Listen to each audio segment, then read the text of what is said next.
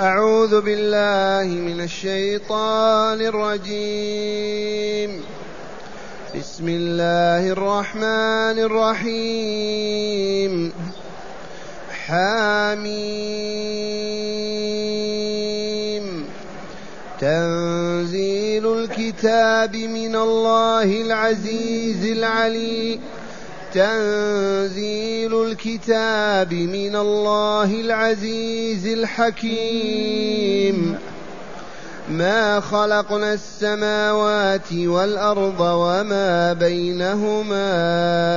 الا بالحق واجل مسمى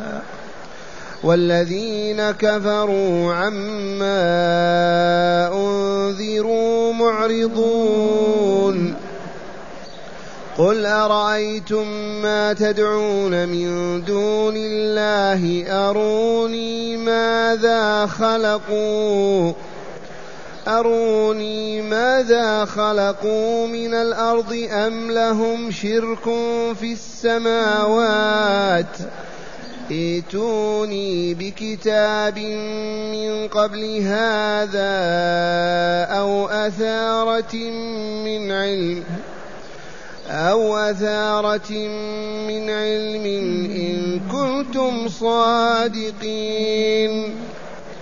ومن أضل ممن يدعو من دون الله من لا يستجيب له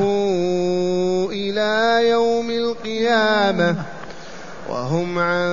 دعائهم غافلون واذا حشر الناس كانوا لهم اعداء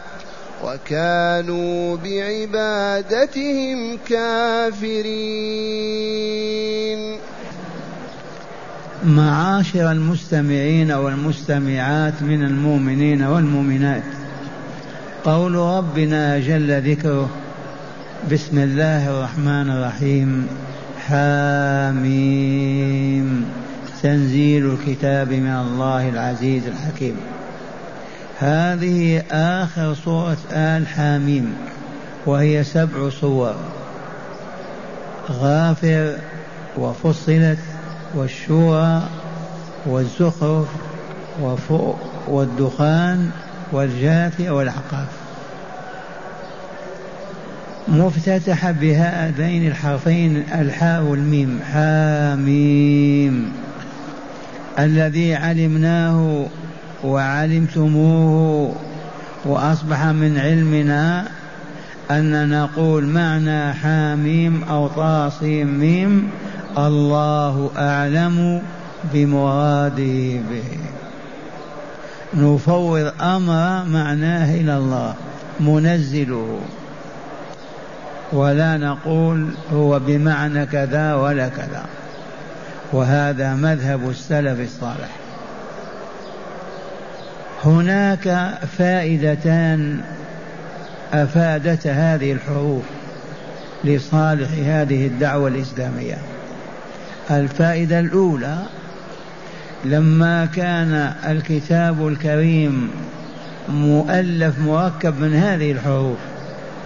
لم تعجزون عن الاتيان بمثله ايها العرب فأتوا بصورة من مثله عجزتم إذا سلموا أنه كلام الله مركب من هذه الحروف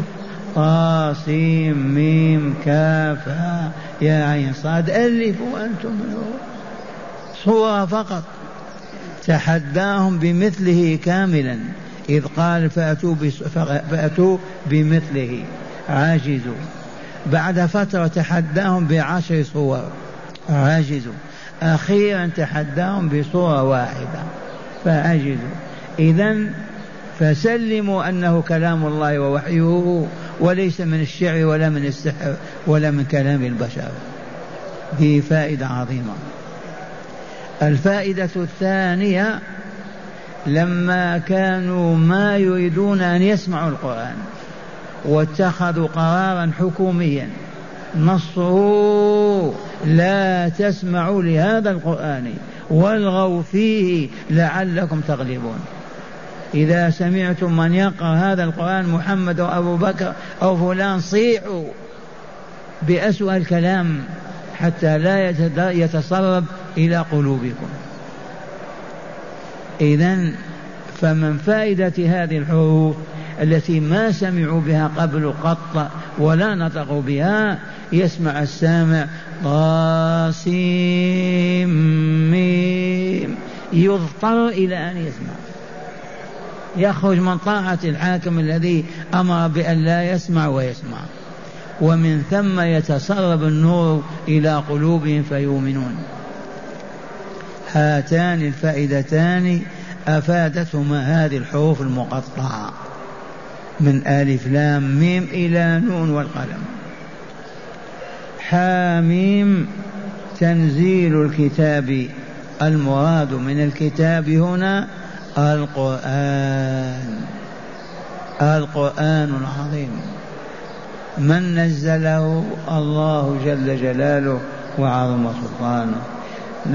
تنزيل من أين مصدر من الحكيم ألا وهو العزيز ألا وهو الله عز وجل الغالب الذي لا يغالب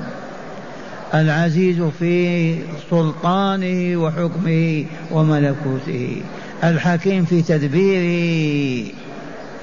صفتان جليلتان من صفات الرب تبارك وتعالى العز والحكمه هو عزيز لا يغالب وحكيم لا يخطئ ابدا فما دام القرآن من حكيم عليم فكله هدى ونور وكله حكم, حكم ومعرفة وعلم إذا فاستجيبوا لله وقرأوا كتابه وآمنوا به واعملوا بما فيه ثم قال تعالى اسم هذا الخبر ما خلقنا السماوات والأرض وما بينهما لاعبين ما خلقناهما إلا بالحق ما خلقنا السماوات والأرض وما بينهما إلا بالحق ما خلقناهما للباطل واللهو واللعب تعالى الله عن اللهو واللعب كيف يخلق هذه السماوات السبع لا لشيء لله فقط واللعب كيف يخلق هذه الأرض وكل ما فيها للهو والباطل تعالى الله عن ذلك علوا كبيرا ولكن خلقهما بالحق وسر خلقهما كما علمتم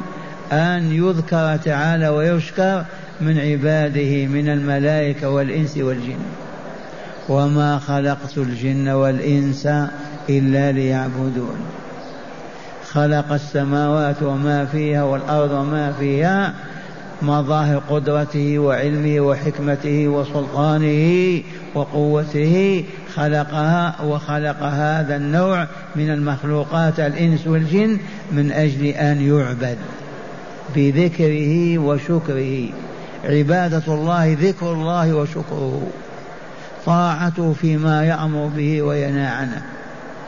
هكذا يقول تعالى ما خلقنا السماوات والأرض وما بينهما إلا بالحق وأجل مسمى وهو أجل الفناء ونهاية الدنيا وهو يوم القيامة هذه السماوات وما فيها هذه الأرض وما فيها مخلوق وله أجل سوف ينتهي إليه فلم تبق سماء ولم يبق أرض ولم يبق ما فيه إلى أجل مسمى من سماه الله حدد موعده باليوم والتاريخ باللحظة لا بالساعة والدقيقة وهو يوم القيامة يوم الساعة يوم الفناء يوم نهاية الدنيا ثم قال تعالى خبر آخر والذين كفروا عما أنذروا معرضون يا للأسف هذه العلوم والمعافي الإلهية والذين كفروا بكتابنا ورسولنا بتوحيدنا معرضون ما يسمعون ولا يسألون ولا يتعلمون حتى لا يعبدوا الله ولا يوحدوه والذين كفروا مع هذا الكمال والجمال مظاهر القدرة العلم الحكمة الموت الفناء الحياة الثانية مع هذا كله ما يريدون أن يسمعوا انتهوا أولئك وإلا الآن ملايين البشر ما يريدون أن يسمعوا هل جاءك يهودي أو نصراني قال أسمعني كلام الله أقرأ علي نقرأ نسمع ما, ما يريدون أن يسمعوا هذا خبر الصدق وإلا لا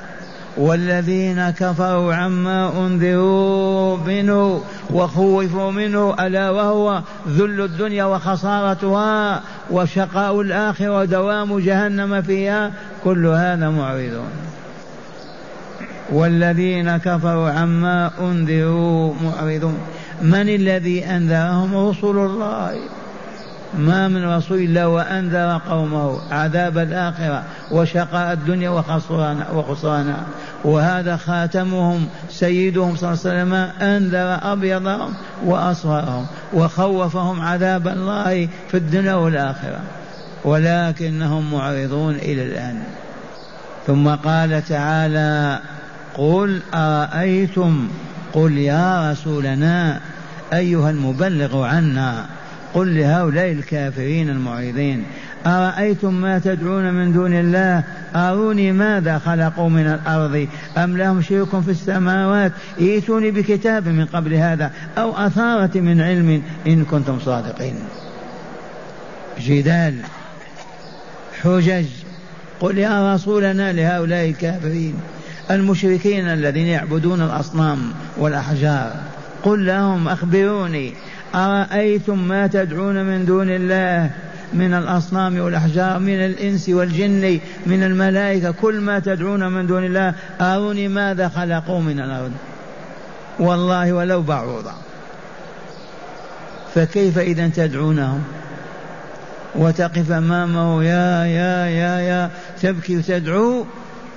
وأنت تعرف أنه ما خلق شيئا ما خلقوا والله ولا بعوض كما قلت لكم فكيف يدعون فكيف تطلب منهم الحاجات كيف يتوسل بهم كيف كيف والله ما هو إلا تزيين الشيطان وتحسين إبليس فقط وإلى كيف يقف أمام صنم ويدعوه يسمع يبصر ذهب أهل الأصنام وجاء أهل القبور يقف أمام القبر يا سيدي فلان يا فلان أنا كذا أنا كذا ونحن نقول والله لو وقف ألف عام ما استجاب له ما يساع ساعة يضيع ألف سنة قل لهم أروني ماذا تدعون من الله قل أروني قل أروني قل أرأيتم ما تدعون من دون الله أروني ماذا خلقوا من الأرض أم لهم شرك في السماوات في سماء من السماوات السبعة في الملائكة في كل كون هناك الجواب لا ائتوني بكتاب من قبل هذا هاتوا كتاب أنزله الله على نبي من أنبيائه موسى وعيسى وكذا يأذن فيه بعبادة الأصنام ودعاء الأموات هاتوا ائتوني بكتاب من قبل هذا أو آثار من علم تنقلون عن فلان عن فلان يجوز دعاء كذا أو عبادة كذا هاتوا والله لا هذا ولا ذاك أروني ماذا خلقوا من الأرض أم لهم شرك في السماوات ائتوني يا مشركون ائتوني ائتوني بكتاب من قبل هذا الكتاب القرآن العظيم من قبل هذا أو أثارة من علم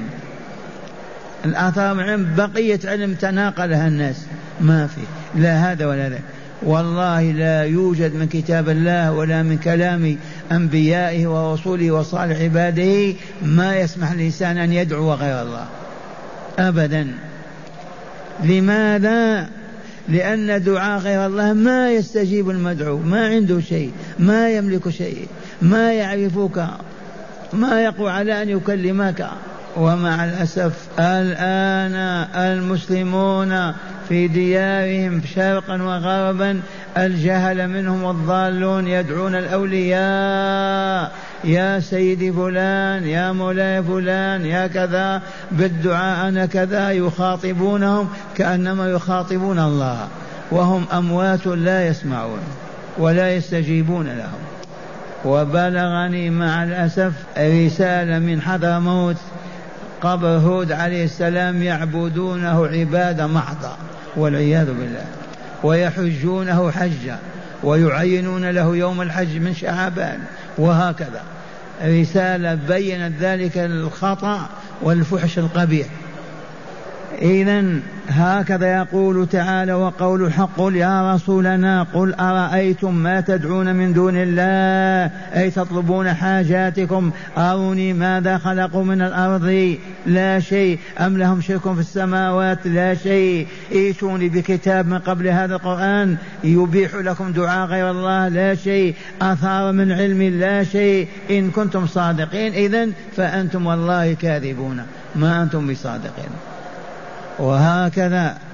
قررت الآية لا يحل لأحدنا أن يسأل غير ربه لا رسول الله ولا فاطمة ولا الحسن ولا الحسين ولا عبد القادر الجيلاني ولا داود المزعوم ولا ولا أبدا ما عندنا إلا الله ويكفينا يسمع كلامنا ويعرف حاجاتنا ويقدر على إعطائنا ومنعنا إذ هو رب كل شيء ومليكه بيده كل شيء وهو على كل شيء قدير هو السميع البصير يعلم خائنة الأعين وما تخفي الصدور هذا الذي يجب أن نبكي بين يديه وأن نرفع كفنا إليه أما أمام القبور والأصنام والأحجار فهذا من الشرك والعياذ بالله الذي نزل القرآن لإبطاله والقضاء عليه وأحياه الشيطان ثم قال تعالى اسمع هذا الاستفهام ومن أضل ممن يدعو من دون الله من لا يستجيب له إلى يوم القيامة والله لأضل منه ومن أضل ممن يدعو من دون الله من لا يستجيب له إلى يوم القيامة وهم عن دعائهم غافلون وإذا حشر الناس كانوا لهم أعداء وكانوا بعبادهم كافرين لا إله والله لو كان المسلمون من القرن الرابع يجتمعون على كتاب الله ما انتشر بينهم الشرك أبدا ما يقرؤون القرآن يقرؤونه على الموت فقط أي أي بيان أعظم من هذا البيان اسمع هذا الخبر ومن أضل ممن يدعو من دون الله من لا يستجيب له إلى يوم القيامة وهم عن دعاهم غافلون وإذا حشروا يوم القيامة كانوا لهم أعداء والله سيكون عبد القادر جيلاني عدوا لكل من دعاه وعبده وتقرب إليه وذبح له وعيسى كذلك والأحجار تنطق أيضا والأصنام وتشهد عليهم بالباطل وتتبرأ منهم ومن أضل ممن يدعو من دون الله من من لا يستجيب له إلى يوم القيامة وهم عن دعائهم غافلون وإذا حشر الناس يوم القيامة كانوا لهم أصدقاء يطلبون لهم العفو من الله والله كانوا لهم أعداء وكانوا بعبادتهم كافرين ما يسلمون بها ولا يبقونها ولا يصدقونهم فيها وإذا حشر الناس متى يحشر الناس يوم القيامة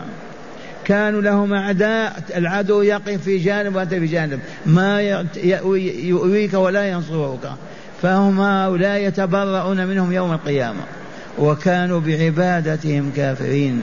الحمد لله على ان وفقنا الله وعلمنا الله وأصبحنا أهل لا إله إلا الله لا ندعو ملكا مقربا ولا نبيا مرسلا ولا عبدا صالحا فضلا عن القبور والأشجار والأحجار وإنما ندعو الرب تعالى خالق كل شيء ومال كل شيء هو الله الذي لا إله إلا هو يقول ادعوني أستجب لكم نرفع كفنا إليه سائلين ضارعين ندعوه في سجودنا في ركوعنا وهو معنا يسمعنا ويعلم عنا ويقدر على إعطائنا وما طمأنينا اللهم لك الحمد اللهم لك الحمد اللهم لك الحمد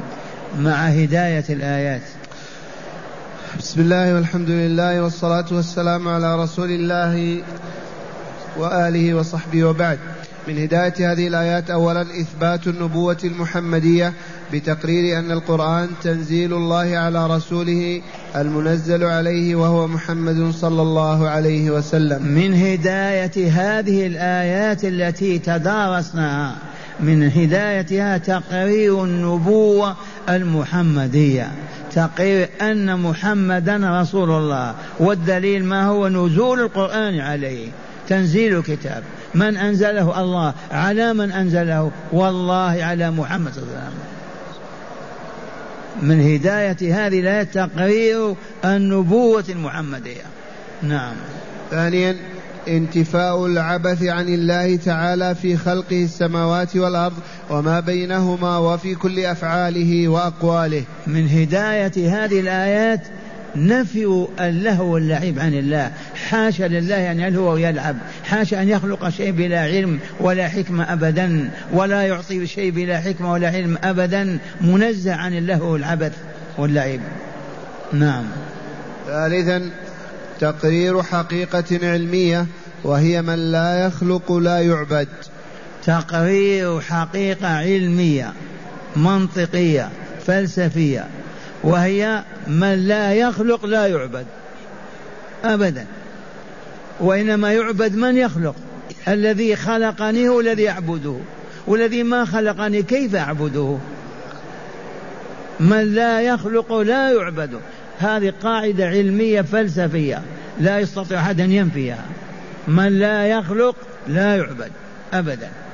من خلق السماوات والأرض والكون ونحن والله إذا والله لا إله إلا الله لا يعبد إلا هو بما يعبد بما أحب أن نعبده به راكعين ساجدين صائمين مفطرين ذاكرين شاكرين بهذه العبادات تعبدنا نعبده بها من أجل ماذا والله من أجل إسعادنا وإكمالنا في الدنيا والآخرة وأخيرا بيان انه لا اضل في الحياه من احد يدعو من لا يستجيب له ابدا كمن يدعو الاصنام والقبور والاشجار بعنوان التوسل والاستشفاع والتبرك. من هدايه هذه الايات اخر هدايه فيما تدارسنا لا يوجد من هو اضل واعمى واجل من يدعو غير الله تعالى. لا يوجد اضل من هذا المخلوق. كيف يدعو ميتا لعلكم ما اذهبوا إلى مصر وادخلوا إلى السيدة زينب واسمعوا بآذانكم والله في الحسين سمعنا بآذاننا يدعون وينادون وهكذا هذه مصر ديار العلم